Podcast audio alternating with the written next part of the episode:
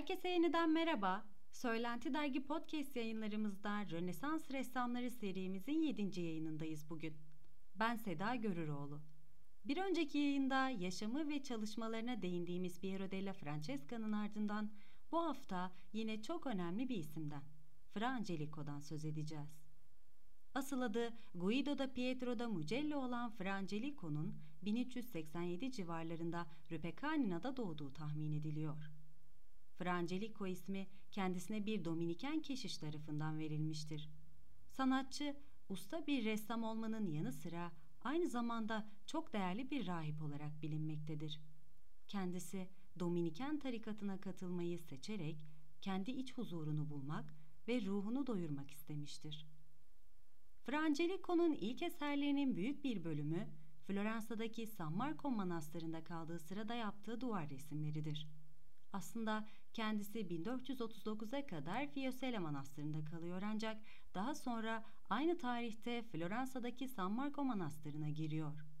Burada yaptığı eserler sanatçının sanatının doruk noktası olan resimlerdir diyebiliriz. Özellikle dünyanın geçici nimetlerinden vazgeçip kurtuluşu yalnızca İsa'da aramak gerektiğini telkin eden 14. yüzyıl ibret resimlerini anımsatan Papazlar Meclisi için yaptığı büyük boyutlu çarmıha geriliş oldukça önemlidir. O dönem Cosimo de Medici, Fra Angelico'ya hayranlık duyanlardan biridir.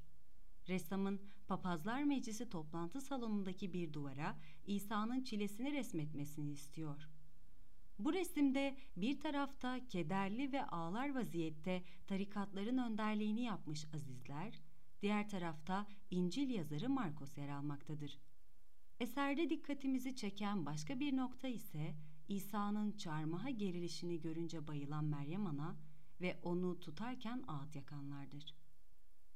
Frangelico, dünyevi entrikalardan kaçınan, yalın ve dindar hayat süren bir ressamdı. Resim yapmakla uğraşırken yalnızca kutsal konular seçiyor, zengin olabilecekken servetle ilgilenmiyordu. Kendisi otorite sahibi olabilir, yüksek makamlarda yer edinebilirdi.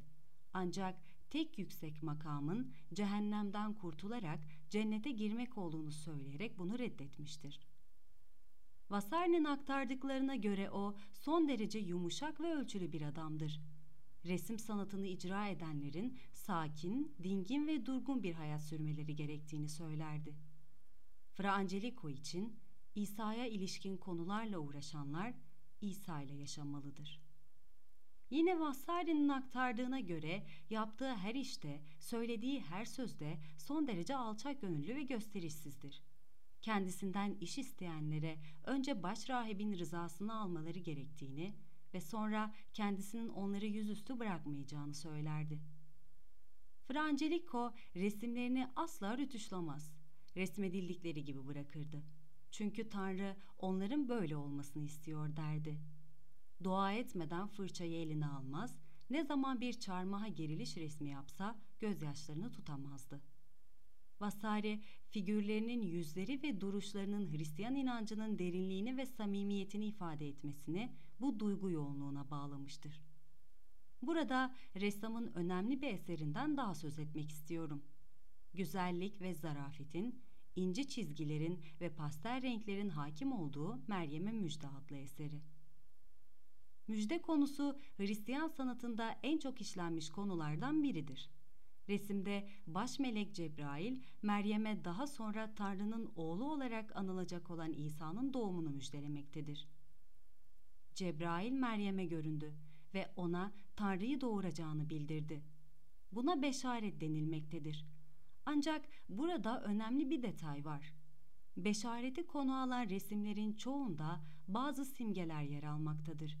Örneğin bakireliğin simgesi olan beyaz zambaklar yahut dindarlığın göstergesi olarak İncil'in okunduğunu ve Cebrail'in bunu böldüğünü. Kimi sanat tarihçileri bu gibi sembollerin resimde yer almamasının sebebini rahiplerin hikayeleri zaten çok iyi bilmesine bağlamıştır. Resimde Meryem bir tabure üzerinde oturmakta, Melek ise hafif diz çökmüş durumdadır. İnce işçilikle işlenmiş muhteşem kanatlara sahip Melek ile Meryem kollarını göğüslerinde birbirlerini selamlamak üzere kavuşturmuşlardır. Başları sessiz bir anlaşma içinde eğilmiştir. Fra Angelico, önceki yayınlarda bahsettiğimiz Masaccio'nun ve hümanist dilinin farkında ancak diğer taraftan muhafazakar yani geleneksel yapıya bağlı kalarak ileriye gitme konusunda isteksiz. Frangelico'nun eserlerinde geçmişten gelen ancak geleceğe yönelen bir üslubun varlığını görüyoruz. Zira sanatçı bir taraftan geleneklere bağlı kalmış, diğer taraftan ise keşif tutkusuyla kendi kuşağını etkisi altına almıştır. Kendisi dini olguları ve insan unsurunu birleştirmedeki ustalığıyla ön plana çıkmıştır. Fra Angelico 1455 yılında 68 yaşındayken ölüyor. Ancak geride bıraktığı öğrencileri onun üslubunu taklit etmeye devam ediyor.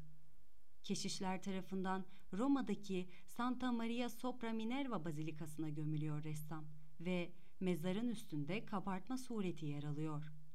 Bununla birlikte mermere şu kitabe uyuluyor. Bana övgü diye, ey Tanrım, Apelles'e denkti demesinler. Onun yerine desinler ki bütün maaşını senin halkına verdi. Çünkü dünyada muteber işler göktekilerden başkadır. Bu şehirde doğdum ben. Ben Giovanni. Bu şehir ki Toskana'nın çiçeği. Bu hafta Rönesans ressamlarının yine çok önemli bir isminden, geçmişten gelen, geleceğe sığınan Fra Angelico'dan bahsettik. Benim kıymetli ressam Fra Angelico üzerine söyleyeceklerim şimdilik bu kadar. Dinleyen herkese çok teşekkür ediyorum. Bir sonraki yayında görüşmek üzere, hoşçakalın.